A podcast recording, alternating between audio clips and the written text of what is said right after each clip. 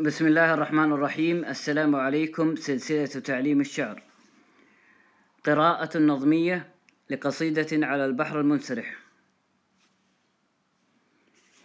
القصيدة المختارة اسمها يا شمس يا شمس بغداد إنني دنف للشاعر العباس ابن الأحنف ويقول فيها يا شمس بغداد إنني دنف يا شمس بغداد إنني دنف إذ مات منك الوداد واللطف. كلفت بالشمس من رأى رجلا.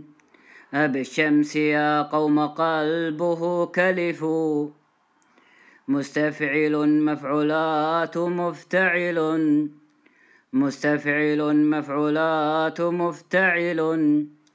قد قلت لما فقدت كتبكم كعهدكم وزمان مؤتلف.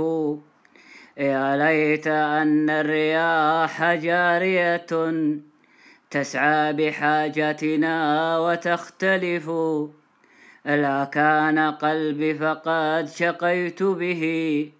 يخفي وجيبا وتارة يجف يهذي بظبي منعم ترف وبثوب الجمال ملتحف ظبي غرير يزينه شنف لا بل به قد تزين الشنف.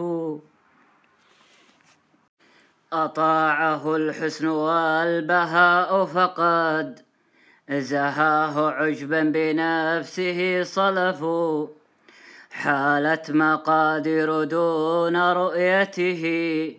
ليت المقادير غالها تلف يا قمرا عطل الظلام به. يا درة لم يكنها الصدف. يا جنة لا يموت ساكنها. كل ضمير إليك ينصرف. مستفعل مفعولات مستعل.